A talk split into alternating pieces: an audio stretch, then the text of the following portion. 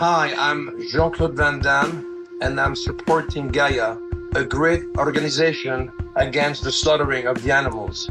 We did the mink together, we succeed. So let's try to do this with the cow and the sheep, with the Brussels Parliament. And I know, I know deep in your heart you will help me. Like your brothers and sisters in Wallonia and Flanders.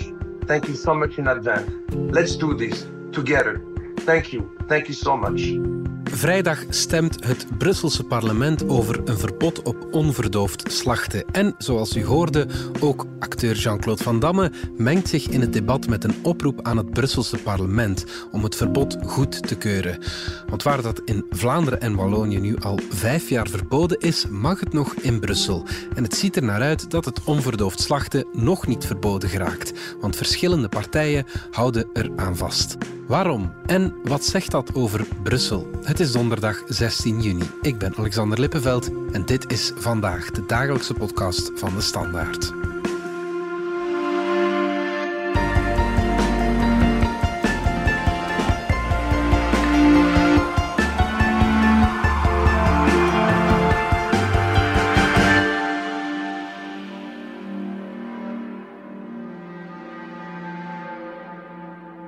Lisa de Bode van onze politieke redactie.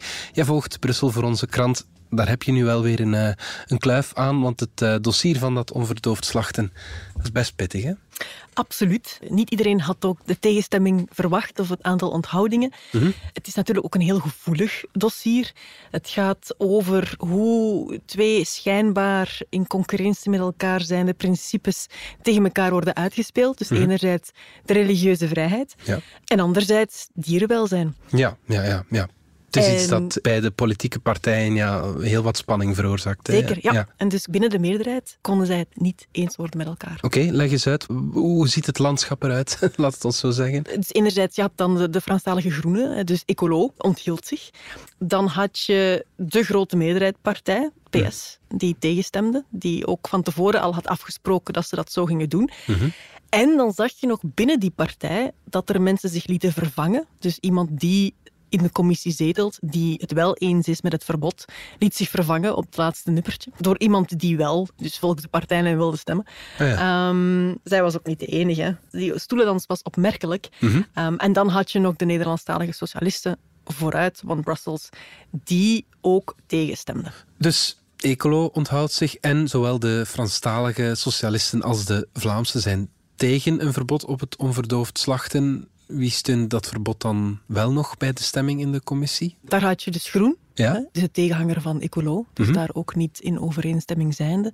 Had je Open VLD en DEFI. Ja. Zij, die drie hadden het voorstel ingediend, ja. Ehm, gesteund dan natuurlijk door de MR, ja. uh, dus daar wel overeenstemming, en de NVA. Ja, ja, ja. Dus om dat te illustreren, je had Ecolo, dus de Franstalige Groenen. Mhm. Zij maken deel uit van de meerderheid. Mm en onthielden zich. Ja. Uh, terwijl je Groen, dus een Nederlandstalige tegenpool, um, zij waren mede-voorstander, dus mede-indiener van het voorstel. Ja. En zij hebben dus voorgestemd. Laten we even focussen op die socialisten, want voor vooruit de partij vooruit is het wel ja, een pijnlijke zaak ergens, hè? of een moeilijke zaak? Nee, absoluut. Enkele jaren geleden zijn zij voor het verbod in Vlaanderen geweest. Dus het feit dat ze deze keer tegengestemd hebben tegen het verbod in Brussel, is, was zeker opmerkelijk. Heeft de partij dan helemaal geen uh, grip op de Brusselse afdeling, of hoe moeten we dat zien? Dan uh, moet je weten wie er voor de socialisten in het Brussels parlement zit. Okay. Um, dat zijn dus Fouad Aydar, Hilde mm Sabbe, Els Rochette. Ja, Fouad uh, Aydar, die kennen we nog van Spirit, hè, de partij van Bertansio. Dan heb je Els Rochette. Zij is ook onafhankelijk, Hilde Sabbe. Zij is onafhankelijk politica. Mm um, in een vorig leven ook journaliste geweest. Ja. Maar dus als onafhankelijke staat zij op de lijst van One Brussels. Ja, ja, ja. en dus kan zij zich ook meer vrijheid permitteren dan wanneer ze deel zou zijn van vooruit de partij. Ja, het zijn geen partijsoldaten, uh, dat is het eigenlijk. Ja, nee. ja, ja. Nou, rest de vraag natuurlijk, waarom zijn ze tegen dat verbod op onverdoofd slachten?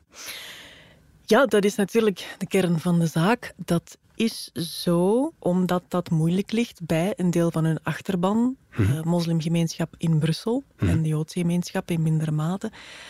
Dat gaat erom dat een aantal van die mensen vinden dat als je op die manier slacht, dus niet halal slacht, dat het dier onrein is. Ja. En in dit geval zou het dan zo zijn, of moet het zo zijn, dat het dier leeft terwijl het geslacht wordt. Ja. Ehm, maar dan hangt het er natuurlijk vanaf welke leer dat je aanhangt binnen de islam Ja. eh, en welke voorschriften er gevolgd worden. Ja. Want dat verschilt ook van gemeenschap tot gemeenschap, van groep tot groep, van land tot land. Mhm. En dan zie je dat er binnen de gemeenschap, zoals in elke geloofsgemeenschap trouwens, ook verschillen zijn.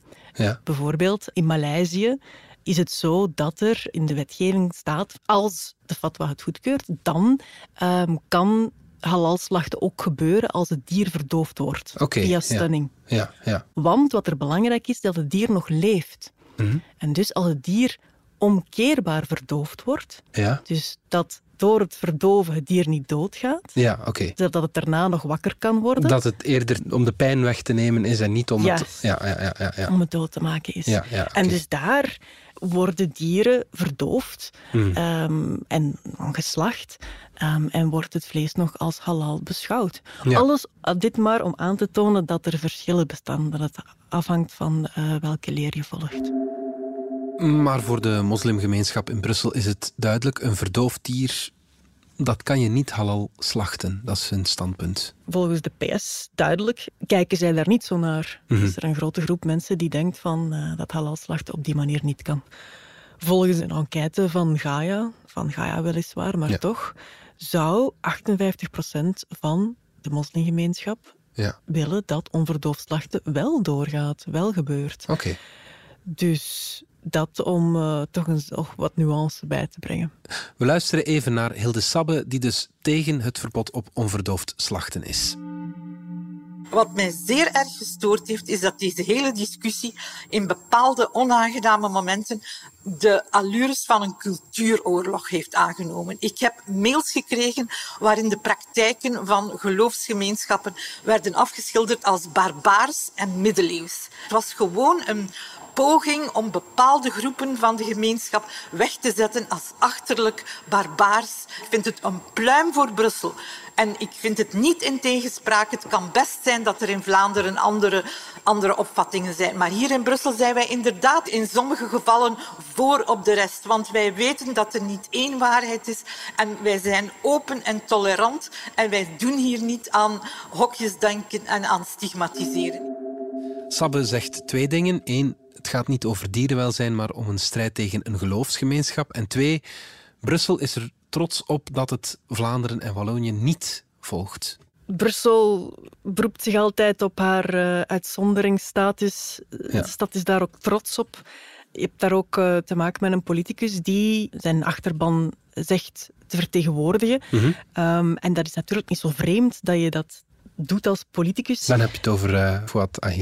Ja, correct. En Hilde Sabbe zei aan onze krant nog van ja goed, eh, de CD&V probeert nu toch ook goed te doen voor de boeren. Ja. Maar als wij dat dan doen voor onze achterban, is dat vreemd. Ja. Um, natuurlijk moet je daar tegenover stellen, als politicus moet je ook soms zeggen van goed, wij gaan met de wetenschappelijke consensus, wij gaan met een standpunt dat elders wel al goedgekeurd is, wij gaan met een standpunt dat nota bene goedgekeurd is in Wallonië en in Vlaanderen. Mm -hmm. Maar uh, Fouad laat daar ook zijn persoonlijke geloofsovertuiging meespelen. Dus in die zin vertegenwoordigt hij dan misschien niet per se zijn achterban, maar zijn eigen opinie heeft hij ook heel duidelijk laten merken, waarin hij zei van ja, ik geloof als gelovige niet dat God dieren gaat laten lijden. Ja, oké. Okay. Dus is onverdoofd slachten eigenlijk niet zo slecht.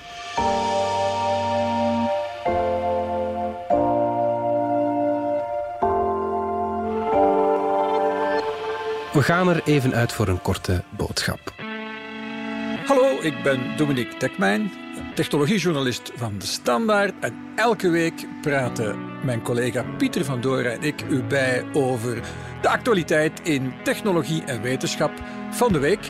En deze week hebben we het onder meer over Lambda, het artificieel intelligent systeem dat misschien te intelligent is geworden en zelfs zelfbewust zou zijn geworden. Wat daarvan aan is, dat bespreken we in deze Bits en Atomen. Nu vrijdag op alle podcastplatforms.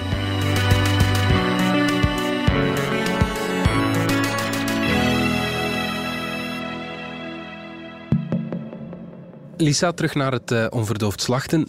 Het is niet dat het in Vlaanderen zonder slag of stoot ja, zomaar gestemd is, hè? het verbod op uh, onverdoofd slachten. Nee, nee, absoluut niet. Dat heeft een, uh, een hele weg afgelegd, dat voorstel.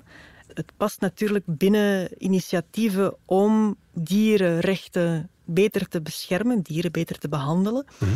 Dat is een lange strijd geweest, want tegen dat argument dus van dierenwelzijn werd de religieuze vrijheid ingebracht. Mhm. Dat is toen uh, door de moslimgemeenschap en de joodse gemeenschap uh, en als ik zeg gemeenschap, door een deel daarvan, mhm. gebracht voor het grondwettelijk hof.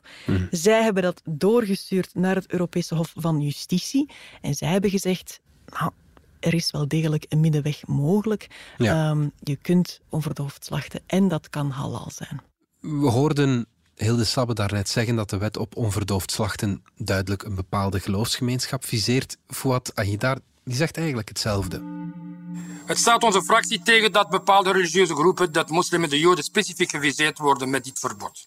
Hun religieuze praktijk wordt uitgezonderd en tot symbool van alle dierenleed gemaakt.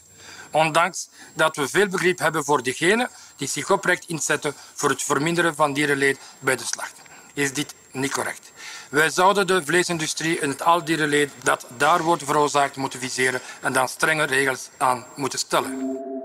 Ik zal het anders uh, formuleren, Lisa. Als dierenwelzijn echt zo belangrijk is voor ons, dan moeten we misschien de vleesindustrie ook veranderen. Er worden in ons land elk jaar meer dan 300 miljoen dieren geslacht voor consumptie. Kijk, die hypocrisie eruit halen uh, in de politiek, dat zou toch wel uh, een mooie zaak zijn. ja, inderdaad. Ook opvallend, de jacht, dat mag wel. Dat is zo. Je kunt heel gemakkelijk ook dan de lijn doortrekken naar waarom we niet meer doen tegen jagen. Mm tegen de dieren die daarbij onnodig gedood worden. Ja. Uh, zonder verdoving, uiteraard. Ja, ja, ja, ja um, en zonder enig economisch voordeel. Mm -hmm. Doortrekken naar vissen. Mm Waar er ook dieren pijn worden gedaan. En dus ja, voor mijn part mogen ze die praktijken ook aan banden leggen. Mhm. Maar uh, dat, dat, is, dat, is, niet aan mij. Mm -hmm. maar dus ja, het decreet daar is, of het oordeel is van kijk, doden van die dieren tijdens culturele en sportieve evenementen vallen niet onder de klassieke slachtregels. En natuurlijk de vraag van ja, wat, wat is een, een goedgekeurd cultureel evenement? En daarover woedt het debat of, of, ook niet genoeg. Dus een bijkomend argument daar volgens het Hof was dat dergelijke evenementen leiden tot slechts een marginale productie van vlees en daarom economisch niet van belang zijn. Daar zit absoluut een grote graad van hypocrisie in. En dan zeker als je kijkt naar het hele systeem van onze vleesconsumptie. Wat mogen we vrijdag verwachten, denk je, van de stemming uh, in het uh, Brusselse parlement? Blijft Brussel de uitzondering of niet? Ik denk dat het heel erg spannend wordt. Brussel is trots op haar status als uniekeling, mm -hmm. als, als andere leerling van de klas. Maar het blijft een feit dat het debat al eens gevoerd is in andere delen van het land, in mhm. de wereld, waarin men heeft aangetoond dat die tegenstrijd, die schijnbare tegenstrijd tussen religieuze vrijheid enerzijds en dierenwelzijn anderzijds, dat dat geen tegenstelling hoeft te zijn. Mhm. Ehm, en dat, die, ehm, dat dat verschil dat dat wordt geëxploiteerd door groepen mm. uh, langs beide kanten. En, uh, maar dat er wel degelijk een halal oplossing is, mm. waarbij onverdoofd slachten is toegestaan. Dat zag je ook in een van de amendementen die werd toegevoegd, uh, ook niet gestemd is geweest, in Brussel, waar dus het, het postkutstunning uh, mm. waar dus voor grotere, voor, voor runderen, uh, dat die kort na de slachting verdoofd worden, om zo het, het pijn van het dier te beperken. Ah, ja. um, dus het dier is dan zeker nog levend wanneer het geslacht werd. Ja. Dus zo'n soort van modererende maatregel of een soort van een, een balans te vinden tussen beide begrippen, werd toen ook niet goedgekeurd. En dat is toch wel, is toch wel een teken aan de wand. Dat is, dat is... Ja, ja, inderdaad. Goed, Lisa de Bode, dankjewel. Graag gedaan. Dit was vandaag de dagelijkse podcast van de Standaard. Bedankt voor het luisteren. Download onze app DS Podcast of volg ons op Spotify, Apple Podcast of eender welk ander podcastplatform. Alle credits van de podcast die je net hoorde vind je op standaard.be-podcast. Reageren kan via podcast.standaard.be. Morgen zijn we opnieuw.